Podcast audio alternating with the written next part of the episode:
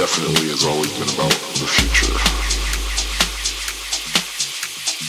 So it's like, what's the next trip? What's the next voyage? What's the next place that we're going to go to?